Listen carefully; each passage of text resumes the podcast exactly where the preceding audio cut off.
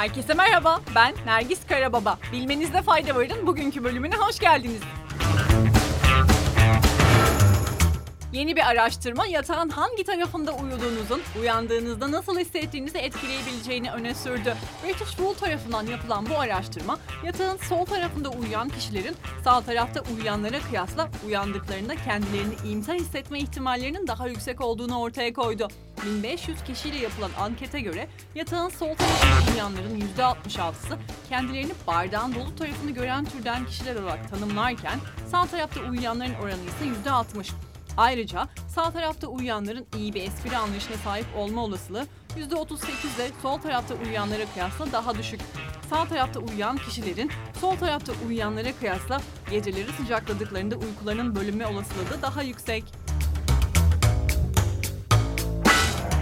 Bilim insanları sperm ve yumurtaya ihtiyaç duymadan embriyolar üretti. Almanya'daki araştırmacılar sperm ve yumurtaya ihtiyaç duymadan kök hücreleri kullanarak yapay embriyo üretti ve bunları rahim dışında uzun süre büyütmeyi başardı. Üretilen embriyonun önceki benzer modellerden daha uzun süre dayanabilmesi için de yenilikçi bir biyoreaktör geliştirildi. Weizmann Bilim Enstitüsü'nden kök hücre biyoloğu ve ekibin lideri olan Jacob Hanna bir sonraki adımda insan kök hücreleriyle aynı deneyi tekrarlamayı umduklarını söyledi. Daha önce başka araştırma ekipleri de kök hücrelerden yapay embriyolar geliştirdikleri deneylere imza atmıştı.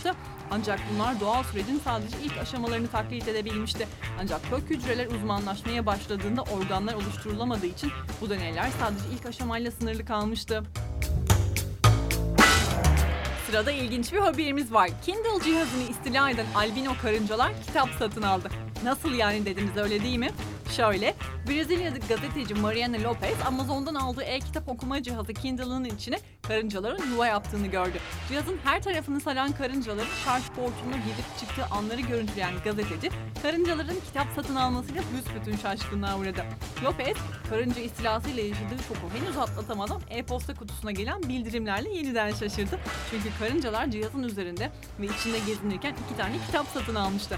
Lopez, tek tıkla satın alma seçeneğini etkinleştirdiğini, yani tek bir dokunuşla karıncaların bile kitap satın alabileceğini aktardı. Karıncaların Isaac Asimov'dan Robotlar ve İmparatorluk ve Eduardo Gianetti'nin J.G. Yüzüğü, Etik Bir Fantezi adlı kitapları satın aldığı kaydedildi. Sony insanlar dışarı çıktığı için PlayStation 5 konsollarının eskisi kadar çok kullanılmadığını açıkladı. Pandemi sırasında PlayStation 5 muhtemelen dünyanın en çok rağbet gören cihazlarından bir tanesiydi ve yoğun talep ve arzla ilgili sorunlar konsol için gelişen bir pazar olduğu anlamına geliyordu. Bu da yeniden satış fiyatlarının fırlamasına ve kişilerin konsolları bulmak için büyük arayışlara girmesine yol açıyordu. Fakat PlayStation tarafından açıklanan son sonuçlara göre kısıtlamalar gevşedikçe insanlar bu konsollarla daha az oynamaya başladı. Şirket son çeyrek sonuçlarına göre bu yaz toplam oyun süresinin %15 düştüğünü açıkladı. Haziranda bir önceki aya kıyasla %3'lük bir artışla hafif bir iyileşme kaydedildi. Fakat bu ay Haziran 2021'i kıyasla yine de %10'luk bir düşüşe işaret ediyor. Şirket bir dizi yeni oyun ve daha fazla konsolun satışa sunulmasının beklendiği yılın ikinci yarısında etkileşimi artırmayı hedeflediğini belirtti. Hindistan, net sıfır karbon emisyonunu hedefleyen iklim planını onayladı. Hindistan hükümeti 2021'de İskoçya'nın Glasgow şehrinde gerçekleştirilen 26. Birleşmiş Milletler İklim Değişikliği Konferansı'nda yani kısaca COP26'da ilan ettiği karbon emisyonunu azaltmaya ilişkin hedeflerine yönelik eylem planını hayata geçirdi. Kabinenin onayladığı iklim planı kapsamında Hindistan karbon emisyonunu 2030'a kadar %45 azaltmayı ve 2070'e kadar da net sıfır karbon hedefini gerçekleştirmeyi amaçlıyor. Net sıfır emisyon, insan faaliyeti nedeniyle atmosfere salınan karbondioksit, metan, azot gibi gazların miktarının yeryüzü tarafından doğal olarak emilen sera gazı miktarıyla dengelenmesi ve karbonun nötr olması anlamına geliyor.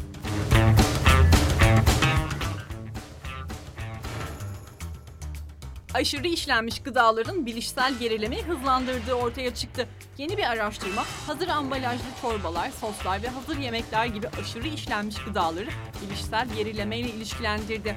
Daha önceki araştırmalar sosisli sandviç, patates kızartması, gazlı içecekler, kurabiye, kek ve diğer keyif verici gıdaları obezite, kalp ve dolaşım sorunları, diyabet ve kanser gibi sağlık sorunları ile ilişkilendirilmişti. Fakat yeni bir araştırma bu listeye bilişsel gerilemeyi de ekledi.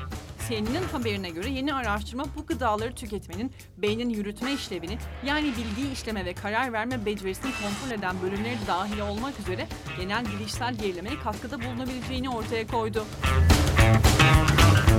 Tiffany Co. NFT'leri kolyeye dönüştürecek. Tiffany Co. NFT projesiyle CryptoPunk NFT sahiplerine özel 30 Ethereum'a yani yaklaşık 50 bin dolara kolye uçları üretecek. NFT'yi 250 dijital biletten oluşan bir koleksiyon olarak da tanımlayabiliriz. Müşterilerin en fazla 3 adet NFT'ye sahip olabileceğini belirtmekte de fayda var.